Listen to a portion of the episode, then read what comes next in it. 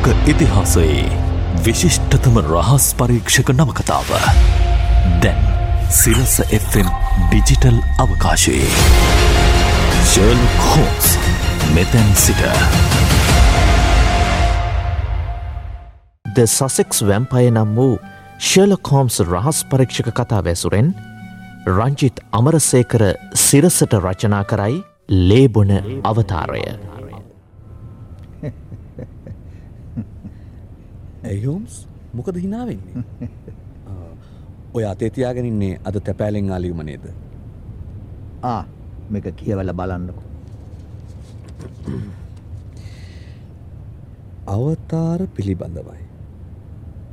අපගේ අනුග්‍රාහක ෆර්ගසන් සහ මුයිර් හෙඩ්ගේ අලවිනියෝජිත Robert Ferguson මහතා අද දින අපට ලියූ ලිපියකින් අවතාර පිළිබඳ විමසීමක් කර ඇත. අප සමාගම කටයුතු කරනුයේ යන්ත්‍රෝපකරන තක්සේරු කිරීමේ කටයුතුවල පමණක් බැවින් මීට මාතෘකාවන විෂය අපට කිසිසේත්ම අදාළ නොවේ. එබැවින් ඔබ හමුවී ඔබට තම ප්‍රශ්නය ඉදිරිපත් කරන ලෙස ෆර්ගසන් මහතාට නිර්දේශ කළෙන.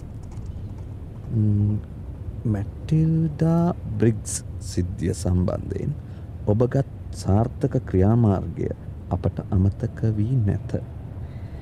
මීට ඔබේ විශ්වාසේ මොරිසන් මොරිසන් සහ ඩොට්.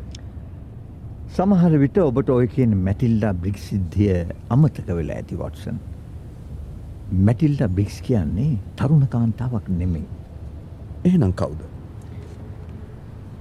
ඒක නැවක්. ඒ නැවත් සුමාත්‍රා දූපතේ ඉන්න යෝධ මීයොත් සම්බන්ධ කතාවක් වේ. ඒ කතාව පාඨක ලෝකයට ඉදිරිපත් කරන්න පුළුවන් කමක් නැහැ තාම. ඉතින් මේ කියන අවතාර ඔබේ ක්ෂේත්‍රයට අදාළ නෑනේ. ඔව්. මේක ඔබේ ක්ෂේත්‍රයටත් අදාළ නෑ. ඒත් මේ නිකන් අලසකමින් ගත කරන දවස් ටිකේ ඕ නෑම විදිහේ කටයුත්තක යෙදෙන්න මං සූදානම්. මේක නම් ග්‍රිම්ගේ සුරාංගනා කතාවලින් එකක් තමයි. ඒත් කමක් නෑ. අතගහල බලු. හරි මම ලෑස්ති. එහෙමනම් ඔබේ සටහන් පොත පෙරල්ල බලන්න වී අකුර යටතේ තියෙන්නේ මොනවද කියලා. ගන්න එක මෙහාට. මෙන්න.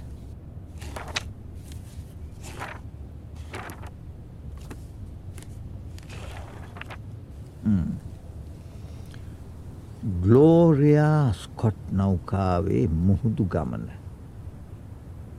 එක හරිම භයානක අත්දැකීමක්. මට මතක විදිහට ඔබේ කතාව සකස් කළා. ඒත් මම ඒක ඉදිරිපත් කර පිළිවෙල ගැන එච්චර සතුටුුණේ නෑ. වික්ට ලිංච් හොර අස්සං ගසන්න. විශ්සකුරු උරගයා නොහොත් ගිලා එක අපූරු සිද්ධියක්.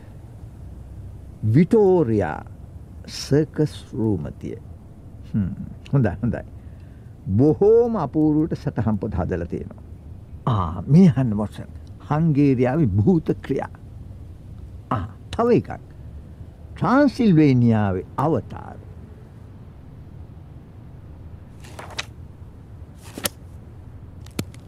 විකාර වොටසන් විකාර. ඇවිදින මලමින්. ඒවා මිනිවලේ රඳවල තියාගන්න නම් උල්කරපු ලීයකින් පපුුවට අනින්න ඕනේ. මෙ පිස්සු කතා. ඒත් භූතයෙක් මැරිච්ච මිනිහෙක්ම වෙන්න අවශ්‍ය නෑ ජීවත්ව ඉන්න මිනිහෙක් ළඟත් මේ පුරුද්ධ තියෙන පුළුවන්. මං අහලා තියෙනවා මහලු අය තිරියන් වෙන්න තරුණයගේ ලේ උරා බොනවයි කියලා. ඔබ හරි වොටසන්. ඔය මිත්‍යා කතාව ඔය සටහම් පොතක සඳහන් වෙනවා. ඒත් අපි මේවා ගණන් ගණ්ඩ අවශ්‍යද. භූතය නැතුවට මහපොළුවට මේ ඉන්න මනුෂ්‍ය ප්‍රමාණය හොඳටම ඇති. අපිට මිට. ෆර්ගසන් කියන දේ පිළිගණ්ඩ අමාරු. සමහර විට මේස උඩ තියෙන ලියවමත් ඔහුගෙම එකක් වෙන්න පුළුවන්. බලමු අරගෙන කියවල.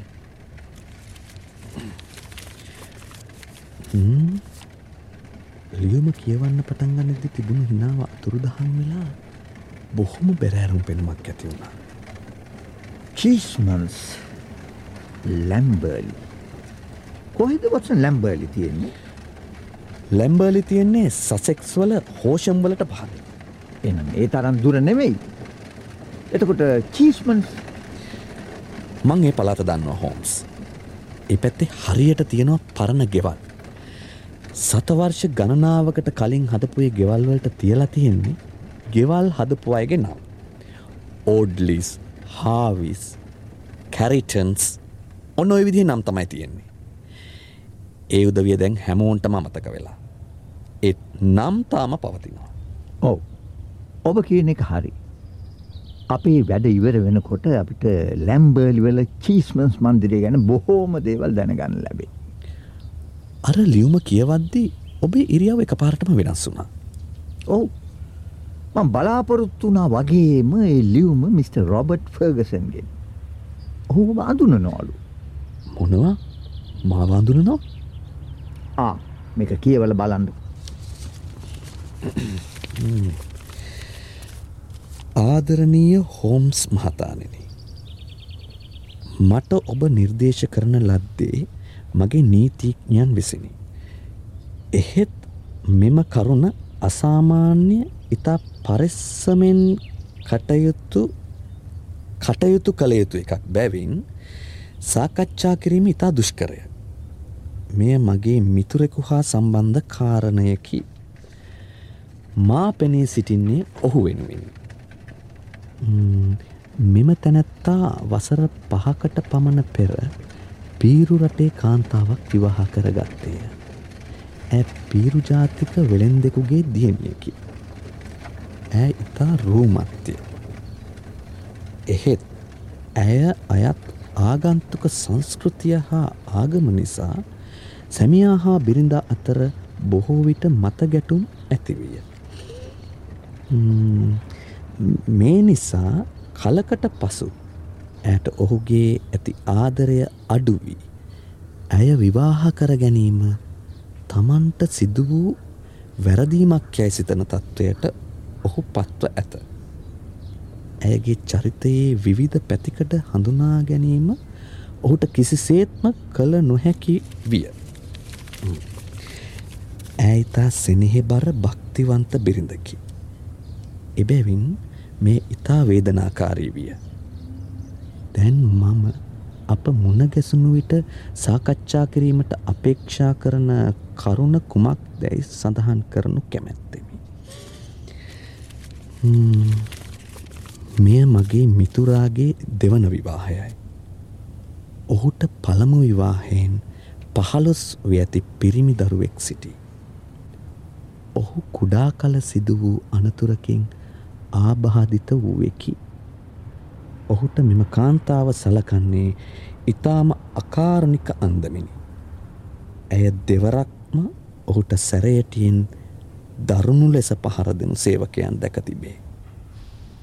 එහෙත් ඇය තමාගේම දරුවා සම්බන්ධයෙන් කටයුතු කරන ආකාරය දෙස බලන විට මෙය එතරම් දෙයක් නොවේ.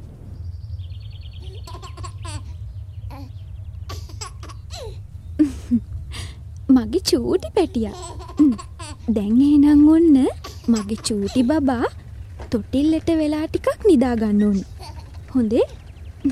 ඕම් මං යනවා. එන්නම් චූටි බබෝ. දැන් ඉතින් දරුවා නෙලවෙලා ඉන්න වෙලාවේ මගේ රෙදි ටික හෝත ගන්න ඕනි. කිලිටු ඇඳුම් මෙඳගෙන බබා අතට ගන්න එපා කියලා ෆර්ගසන් මහත්තයත් කියලා තියෙනවනේ ඇයි බබා මායෙන් අඩන්න ගත්තේ. දැම් මම මේ අසාගේට නලවල තියලා දරුවනේ. දෙයනේ මේක හීනයක්ද? මැඩම් පාත්වෙලා දරුවගේ බෙල් හපනවා. මැඩම් මැඩම් මොකද කරන්නේ? නෑනෑ මොකුත් නෑ. මයි යනවා. හානේ කිරි දරුවගේ බෙල්ල තුවාල වෙලා ලේත් කලනවා අම්ම කෙනෙකුට මේම කරන්න පුළුවන්ද තමන්ගේම දරුවට? ෆඩිසන් මහත්තයා ෆඩිසන් මහත්තයා. ජී ජීන් කෑ ගන්න එපා. කෑගානේ නැතුව කොහොමද? අනේ මට කලන්තය දෙන්නේ නෑ වගේ. ඇයිද එනේ මට මෙහෙම දෙයක් දකින්න සැලැස්සුවේ. එනේ දරුව කෑගහපු ඇටි මේ අහන ජීන් ෆර්ගසන් මහත්තයා මේක දැනගත්තොත් මෙතන විශාල කලබලයක් ඇති වෙනවා. මම මේක මාත්‍යයට වසන් කළොත් අන්තිමිට මමයි කරදරේ වැටෙන්නේ මාව මෙතනින් එලවලදායි වෙන කිසිම තැනක මට රස්සාවත් දෙන එකකුත් නැහැ මට මේක ජේන්ට පැහැදිලි කරලා දෙන්න විදියක් නෑ ජේන්. මං ජේන්ව කරදරේ වැටෙන්න ඉඩ තියන්නේ නෑ. මේක අපි දෙන්න අතරේ රහසක් විදියට තියාගනිමු. ආ, මේ පවුම් පහ තියාගන්න හදිසියකට ගන්න. මට පේන්නේ මං මැඩම් ගැන සෝදිසියෙන් ඉන්නවට වඩා ඇ මා ගැන සෝදිසියෙන් ඉන්නවා. හැම මොහොතෙම මන් දරුවකින් ඈත්තෙනකං ඉන්නවා දරුවළඟට දුවගන්න මං හරිම ඔබතෝ කෝටික ප්‍රශ්නිකට මැදි වෙලා ඉන්නේ. මං ඇයට පොරොන්දුනා මේ රහසක් විදියට තියාගන්න බවට. ඒත් ඒත් නිහනව සිටීමෙන් මං මගේ ස්වාමයට ෆර්කසන් මහත්තයට කරන්න ද්‍රෝහිකම මෙහෙම ගිහින් දරුවට මොකක් හරි අනතුරක් වුණොත් කොයිද යන්ට කියන්නද? ප්‍රධාන සේවකයා සෑම් වෙනවා. මෙතනින් නැගිටල යන්න ඕනි. ජේන්? ඇයි? පොඩ්ඩක් කොහොමින්න මට කියන්න මොකත්ත ජේන්ට තියෙන ප්‍රශ්නය නෑ මොකුත් නෑ. මට බොරු කරන්න බෑජයෙන් මම අවුරුදු හතලිහක් මේ චීස්මන්ස් මන්දිරේ සේවක සේවිකාවන් පාලනය කල්ලා තියෙනවා. කාගෙ හරි හැසිරීම වෙනස් වුනොත් මට ඒක ෂණිකව තේරුම් ගන්න පුළුවන්. මගේ හෙම වෙනසක් නැහැ. මම මට පැවිල්ල තියෙන රාජකාරිය ඉතාම හොඳින් කරනවා. මන් දරු පැටියව හැක් වගේ බලාගන්නවා ඒක මමත් හොඳින් දන්න කාරණයක්. ඒ ගැන මගේ කිසිම සැකයක් නෑ. නමුත් මට හොඳටම පැහැදිලි ජේන්ගේ හිතේ මොකක් නමුත් කරදරයක් තියෙන වග. මොකක්ද ආදර සම්බන්ධයක්ද පීට ගැනද අපොයි නෑ එහෙම එකක් නැහැ එහෙමනං වෙන මොකක් හරි තියෙනවා. මට මෙන්න මේක තේරුම් කරලා දෙන්න මොකක්ද මං වග කියන්න ඕනේ ෆර්ගසන් මහත්තයටද? ෆර්ගසන් නෝනටද? ඕක අහන්නත් දෙයක්ද? අපි ෆර්ගසන් පවුලට සේවය කරන්නේ කොච්චර කාලෙකිඳලද මම එතුමගේ පියා යටතෙත් සේවය කළා. මේ සේරම දේපොලවල හිමිකාරයා ෆර්ගසන් මහත්තයා. ඉතිං එතුමා තමයි අපේ හාම්පුතා. හොඳයි සෑම්. සෑම්ට බොහෝම ස්තුතියි. කොහෙද යන්නේ ෆර්ගසන් මහත්තයට කතා කරන්න. මේ කෙල්ලට මොනව වෙලාද කියලා මට තේරෙන්නේ මොකද ජේ? කලබලෙන්? නෑ සර් මේ මේ බබා ඇයි? බබාට සනිප නැද්ද? නැහැ? මේ මැඩම් බබා. මොනවද මේ දුඩුවන්නේ? බප්පා මැඩම් කියන දෙයක් තේරෙන විදියට කියනවා. මම මේක සර්ට කියන්න මොකක්ද මට තේරෙන්න තතනන් නැතුව කියනවා. සර් මැඩම් පුංචි බබාට හිරි හැර කරනවා. මගේ පිරිඳ? ඇගේ දරුවට හිරිහර කරනවා? ජේන් ඔබ හීනයක් දැකලා නැතන් ඔබ උමුතුවෙන් නන් දොඩවනවා ඇ මගේ පළමු විවාහේ දරුවට ඉඳහිට දඩුවන් කරනවාග මම දන්නවා ඇ හීනකින්වත් තමන්ගේ දරුවට හිංසාවක් කරන්න හිතන්නේ නෑ මේ මනස්ගාත වහම නවත්තන්න ඕනේ. ඔබ මගේ දරුවා බොහොම ආදරයෙන් රැක බලා ගන්නවාග දන්න නිසා මම මේ වතාවට ඔබට සමාව දෙනවා. අන්න අන්න බබා අඩනවා හා? යමු යමු. අපි තුවල ගිහින් බලමු. මං ඔබට කිව්වේ. මාර්යා? ඔබ මොනවද මේ කරන්නේ? මම කිසිම වරදක් කළේ නෑ. මං කිසිම වරදක් කළේ නෑ. මට නම් මේක අදා කරන්න බෑ. මම මගේ ඇස් දෙකම දැක්කනේ අර දරුවගේ තොපිල ළඟ දන බිම වාගෙන තෝල් දෙක දරුවගේ බෙල්ලට තද කරගෙන ඉන්නවා. බලන්නස දරුවගේ බෙල්ලලේ ඇඳ ඇතිරිල්ලත් ලේ පෙල්ලම් ඇගේ තෝල් දෙකෙත් ලේ ගෑවිලා ඇ දරුවගේ ලේ උරාබීලා තියෙනවා වෙන මොනවද ලියුම තියෙන්නේ. මේ දැන් පවතින තත්ත්වයයි. ඈ ඇගේ කාමරයට වී සිටි. මේ පිළිබඳව කිසිදු කරුණු පැහැදිලි කිරීමක් සිදුවී නැත. සැමියා උමතුවීමට ආසන්න තත්ත්වයක පසුවේ. අවතාර යන වචනය හැර ඉන් එහාට ඒ පිළිබඳව කිසිවක් මා නොදන්නා බව සැමියා දනි. අප සිතා සිටියේ මෙය ආගන්තුක රටවල පවතින අන්ධ විශ්වාසයක් බවයි. එහෙත් මෙවැනි දෑදැන් එංගලන්තයේ සසෙක්ස් ප්‍රාන්තයේදීම අත්දක්නට ලැබේ. හමුව විට මේ ගැන සාකච්ඡා කරමු. මා මුණගැසීමට එකඟ වී ඔබගේ සුවිශේෂ හැකියාවන් යොදාගෙන බලවත් අසහනයට පත්ව ඇති පුද්ගලයෙකුට සැනසීම ලබාදීමට කටයුතු කරතැයි අපේක්ෂා කරමි. එසේනම් ෆර්ගසන් චීස්මන්ස් ලැම්බර්ලි යන ලිපිනයට විදුලි පුවතක් එවන්න. නොවරදවාම පෙරවරු දහයට ඔබගේ නිවසට එමි. ඔබේ විශ්වාසී රොබට් ෆර්ගසන් පසුවලියමි. ඔබේ මිතුරාත් මමත් බ්ලැක්හීත් රග කණ්ඩායමේ එකට ක්‍රීඩා කළෙමු. දිගලියුමක් ඔබට ඔහුව මතකද ඇයි නැත්තේ හොඳට මතකයි. උස මහත බොබ් ෆර්ගසන් කණ්ඩායම හිටපු හොඳම ත්‍රීකවාට කිසි කලබලයක් නැති කෙනෙක්. ඔහු මිත්‍රයන්ගේ විපතති පිහිට වෙන කෙනෙක් තමයි. හොඳයි වොටසන්. මෙන්න මේ විදුලි පණුඩේ යවන්න. සතුතින් ඔබේ පරීක්ෂණය බහාර ගන්නෙමි. ඔබේ පරීක්ෂණය ඔහුට හිතන්න ඉඩ දෙන්න නරකයි අපි දුර්වල හිතක් ඇති අය වෙනුවෙන් කටයුතු කරන වගේ.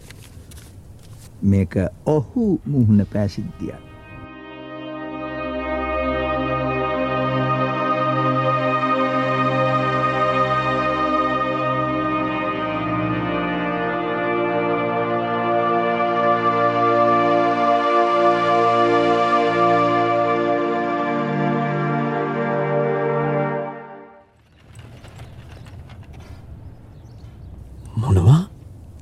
මේ මම දැකපුරුදු බබ් ෆර්ගසන් නෙමෙයි. ඇස් යට කළු තලා වැටුණු කෙසඟ පුද්ගලයෙක්. කොන්්ඩෙ තුනී වෙලා උරහි සැකිලිලා දැක්කාම ඇත්තටම දුක හිතෙනවා. හලෝ වොටසන් ඔබ එදා මම බොක්සින් තරගකදි ලනුවට උඩින් එලියට යවපු ගැටවරයට වඩා හුඟක් වෙනස්. මාත් සෑහෙන්ඩ වෙනස් වෙලා ඇති. ඒත් මං වයසට ගිය දවසත් දෙකක් ඇතුළතයි මට තේරුණා ඔබේ ටෙලිග්‍රම් එකෙන් මිට. හෝම්ස් මං වෙනත් කෙනෙකුගේ නියෝජිතයෙක් වගේ පෙන්න්න උත්සාහ කළ එක අසාර්ථක වෙලා වගේ. කෙලින්ම කටයුතු කිරීම වඩා පහසුයි. ඔව් මං පිළිගන්නවා. ඒත් ඔබට හිතාගන්න පුළුවන් කොයි තරං අමාරුද ඔබේ ආරක්ෂාව උපකාර ලැබිය යුතු කාන්තාව ගැන මේ විදියට කතා කරන්න සිද්ධවීම කියලා. මං වෙන මොනුව කරන්නද. ඔව් ඔබ පත්වෙලා ඉන්න තත්ත්වය මට තේරුම් ගන්න පුළුවන්. මට පොලිසියට ගිහින් මේ කතාව කියන්න බෑ. ඒත් මගේ දරු පැටවුම් ආරක්ෂා කර ගණ්ඩ ඕනේ. මේක නං ඔබතුවක් මිට. හෝම්ස්. මේක ලේවල තියෙන දෙයක්. ඔබට මීට කලින් මෙහෙම අත්දැකීමක් ලැබිල නැතුව ඇති. දෙයියන්ගේ නාමට මට මොකක් හරි උපදිසත් දෙන්න පගෙනන් තැම්බොලි නරක් වෙලායි තියෙන්නේ. ඒක බොහෝම ස්වාභාවිකයි මිට. ෆර්ගසන් දැන් ඔහොම වාඩි වෙලා සංසුන් වෙලා මට පැහැදිලි උත්තර කීපයක් දෙන්න. මගේ මොලේ නම් බොහෝම හොඳින් ක්‍රියා කරනවා. ඒ ගැන මට සහතික වෙන්න පුළුවන්. මට විශ්වාසය අපිට මේකට විසඳුමක් සොයාගන්න පුළුවන් කියලා. දැන් මට මුලින්ම කියන්න මොනවද ඔබ මේ ගැන අරගෙන තියෙන පියවරවල්. ඔබේ බිරින්ද තවම ඉන්න ළමයි ළඟද. අපි අතරි බොහොම දරුණු තත්ත්වයක් ඇති වුණා මිට. හෝම්ස්. ඇ ඉතාම සිනහවන්ත කාන්තාවක්. ඇමට මුළු හිතින්ම ආදරය කරනවා. මේ භයානක ඇදහිය නොහැකි රහස. මම දැනගත්ත එක ඇයට විඳ දරාගන්න බැරි වෙලයි තියෙන්නේ. ඇයික වචනයක්වත් කතා කරන්නේ නෑ. මගේ දෝෂාරූපනවලට ඇ සම්පූර්ණයම නිහඬයි. ඇ කළ එක්කමදී බලාපොරොත්තු සුංවෙච්ච දෑසින් මාධ්‍යයක් බලා හිටියක විතරයි. ද මේ මොහොත වෙනකොට පවතින තත්ත්ව මොකක්ද. ඒ මොහොතෙම ඇ කාමරයට දුවගෙන ගිහින් දොරක් ගූතා ගත්තා. ඉන් පස්සේ මාව මුණගැහෙන්න බෑ කියනවා. ඈළඟ ඉන්නවා සේවිකාවක්. අපි විවාහන්න කලින් ගෙදලාම ඈළඟගේ සේවිකාව ඉන්නවා. නම ඩොලරස්. ඇත්තම කියනොනගේ සේවිකාවකටත් වඩා යෙහෙලියක්. ඩොලරස් සෑට කාමරයට කෑමගෙන හින්දෙනවා. එහෙම නං දරුවට දැනට හානියක් නෑ. නෑ. ජේන් දිවරල පොරොන්දුනා එක මොහොතකටුවත් දරුවලඟින් හෙල්ලෙන්නේ නෑ කියලා. මට ඇවසියට සියක් විශ්වාසයි. මගේ බය තියන්නේ අම්ම නැති අහිංසක ජැක් ගැනයි. මං අර ලියුමෙත් ලියලා තිබුණේ. ඇ දෙපාරක්ම ජැක්ට බස්තමකින් තඩි බෑවා. ඒත් ඔහුට තුවාල වුණේ නැහැ. නෑ. ඇහුට තදින් පහර දුන්නා. මේක දරුණුකම තවත් වැඩි වෙන්නේ ජැක් ආබාධිතයෙක් නිසා. ඒ අසරණය ඉන්න හැටි දැක්කාම ඕනම කෙනෙක් හිත උුණු වෙනවා. පුංචි කාලෙ පඩි පෙළකින් ලිස්සල වැටිලා. පිට කොන්ද ඇඹරුණා. ඒ තීලමය හැමෝට මාදරය කරන දරුවෙක්. හෝම්ස් ආයෙත් ලියුමාරන් කියවන්න පටන් ගත්තා. වෙන කවුද ඔබේ ගෙදරයිද මිට. හෝම්ස් ගෙදර ප්‍රධාන සේවකය සෑම් ඉන්නවා. ළඟදි බඳවගත්ත සේවකයෝ දෙන්නෙක් ඉන්නවා. ඊළඟට අස්්‍යෝ බලාගන්න මයිකල් මයිකල් නිදාගන්නෙත් ගේ ඇතුළෙමයි. ඒ අරු නම මගේ පිරිඳ මාරයා පුතා ජැක් පොඩි දරුවා ඩොලරස් ජේන් එච්චරයි. මට වැටහුණු විදියට ඔබ ඒ තරම් දුරට දැන ඇඳිනගෙන නෙමෙයි ඔබ බිරිඳ විවාහ කරගත්තේ. ඔව. මට ආශ්‍රය කරන්න ලැබුණේ සතිකීපයයි. මේ සේවිකාව ඩොලරස් කොයි තරං කාලක ඉඳල දෑළඟ ඉන්නේ. අවුරුදු ගානත් තිස්සේ. එතකොට ඇගේ ගතිගුණ ගැන ඔබට වඩා හොඳින් සේවිකාව දන්ව ඇති. ඔව් එහෙම කියන්න පුළුව. මං හිතන්නේ මම මෙහෙ ඉන්නවට වඩා ලැම්බර්ලියන එක වැදගත්. මේ ප්‍රධාන වශයෙන්ම පෞද්ගලිකුව කරුණු විමසා බැලිය යුතු පරීක්ෂණය. මේ මහත්මිය කාමරේටම වෙලා ඉන්නවා නං අපි පැමිණීම ඇයට කරදරයක් නොවිය යුතු වගේම. ඇගේ කෝපේට හේතු නොවිය යුතුයි. එනිසා අපි ගෙදර නතර නොවී තානායමක නවතිනවා.